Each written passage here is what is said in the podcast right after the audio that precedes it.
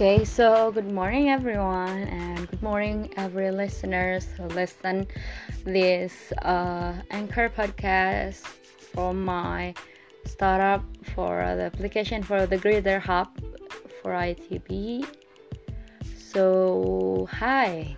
So first of all, maybe I would like to introduce myself. My name is Farah Konita and right now I was enrolled as an MBA student in Bandung Institute of Technology majoring in CCE batch 64 so before I was graduate from 10 November Institute of Technology majored in engineering physics.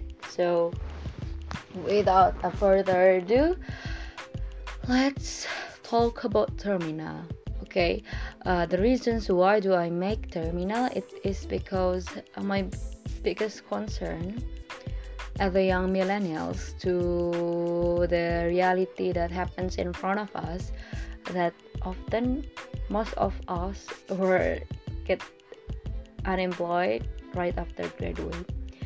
Uh, nevertheless uh, a lot of expectation were coming from our inner circle they were asking why won't you uh, get a job soon? Uh-huh. you're just uh, you're just graduate from top reputable university. How much how many months you will have to wait until you get your first job or etc it is a very saddening real life experience because the two of that two of that uh, pressure we are often to take uh, jobs which is is it what it is?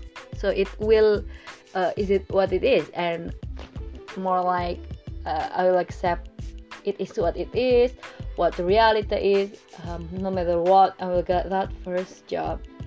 Uh, nevertheless uh, when they took that chance and having a job that they don't like in order just to fulfill that they work in their inner circle in their inner circle thing uh, in their inner circle perspective. So it often leads about dissatisfaction rate in a company. According to a survey from OECD, our workforce is consists of two thirds of millennials or young adults or those who born in late 2000 and late 90s and uh, around 75% are not engaged with the work that they are working right now. If this is happens in a uh, in larger scale this will lead a turnover in a company which is will be bad. If a lot of company got turnover because they are wasting their training they are wasting their money to invest and develop in its own uh, employee but yet they are not really engaged with him. So that's why i make terminal. Terminal is an uh, it's a startup that support the development of growth through intensive trainings. And we and how do we work? The first one we make a lot of key partner with our collaborators uh, to create such an intensive activities um, and our key partner maybe would like startup a farmer um, beach resort uh, a rice field worker or something in the farm or poultry or whatever it is or gardening and then we make a terminal and then there will be our users our users will be called as passengers okay mm, that is the three key points in terminal so our main objective is to colla- to connect those who in need. Uh, I get it. I hope you all get what do I am talking about? Because uh, mm, uh, oftentimes uh, during our growing times we always have an exact uh, exact pattern after we are graduate from elementary school then we need to go to junior high school. After we get to junior high school then we get to go to senior high school going to senior high school we must be uh, going to some top ranked university and right after 10 crop uh, you, gra- you graduate from top ranked university, people will oppress you with three three options. The first one is get married. The second one is just to study again and doing a master's. The third one is work. It seems like we just have a limited option to explore yourself better. I mean, why our option is just only limited to one and some things aren't human beings is more capable and of everything. I think uh, it is what makes me inspired to make a terminal.